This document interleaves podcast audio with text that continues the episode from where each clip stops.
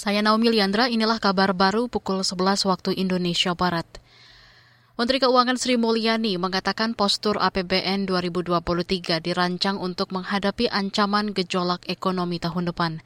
Menteri Keuangan optimistis APBN tahun depan tetap bisa menjaga momentum pemulihan ekonomi Indonesia. Hal itu disampaikan Sri Mulyani saat penyerahan daftar isian pelaksanaan anggaran atau DIPA tahun anggaran 2023 di Istana Negara, Jakarta. Target pendapatan negara adalah 2.460 3,0 triliun. Ini adalah sebuah target yang mencerminkan kehati-hatian di dalam mengantisipasi Pertama, ketidakpastian dari harga-harga komoditas. Kedua, kecenderungan pelemahan ekonomi global dan dampaknya terhadap perekonomian Indonesia. Menteri Keuangan Sri Mulyani menambahkan belanja negara tahun depan ditetapkan sekitar 3 kuadriliun rupiah. Alokasi belanja terbesar untuk sektor pendidikan dan kesehatan.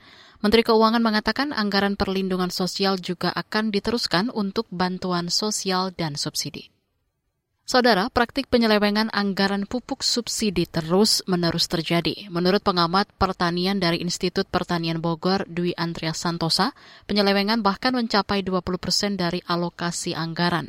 Bentuk penyelewengan salah satunya mengganti kemasan subsidi menjadi non-subsidi. Penyelewengan anggaran pupuk subsidi dipicu disparitas harga antara pupuk bersubsidi dengan non-subsidi kan itu ada empat lini ya, lini satu, dua, tiga, empat. Nah kebetulan lini empat itu di level di paling bawah kan, di distributor, di petani itu sendiri, di kelompok tani. Itu di, di situ itu kebocorannya mencapai 20 persen dan banyak macam-macamnya. Lalu kemudian dulu pernah kami mentraining uh, periset-periset dari Malaysia tapi sudah agak lama ya. Mereka cerita di sawit di sana sebagian pupuk itu ketika bungkusnya dibuka di dalamnya itu pupuk bersubsidi bungkusnya dari Indonesia. Pengamat pertanian Dwi Andreas Santosa juga mendorong pemerintah memberikan bantuan langsung non-tunai kepada petani untuk mendapatkan pupuk bersubsidi. Bantuan harus mengacu data yang mutakhir sehingga tepat sasaran. Tahun ini pemerintah mengalokasikan anggaran subsidi pupuk 25 triliun rupiah.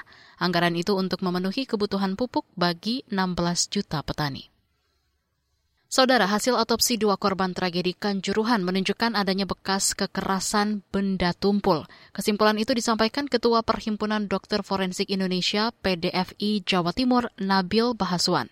Nabil menjadi salah satu anggota tim autopsi korban tragedi Kanjuruhan. Dikutip dari Antara, Nabil menyebut ada tanda bekas kekerasan benda tumpul di jasad Natasha Debi Ramadhani. Kemudian ada patah tulang pada susunan tulang iga. Jasad adiknya, Naila Debi, juga mengalami patah tulang pada sebagian susunan tulang iga sisi kanan. Dari hasil otopsi, Nabil tidak menemukan paparan zat senyawa gas air mata dalam organ pernapasan kedua korban tersebut. Tragedi Kanjuruhan terjadi 1 Oktober lalu, sebanyak 135 orang meninggal. Demikian kabar baru, saya Naomi Liandra undur diri.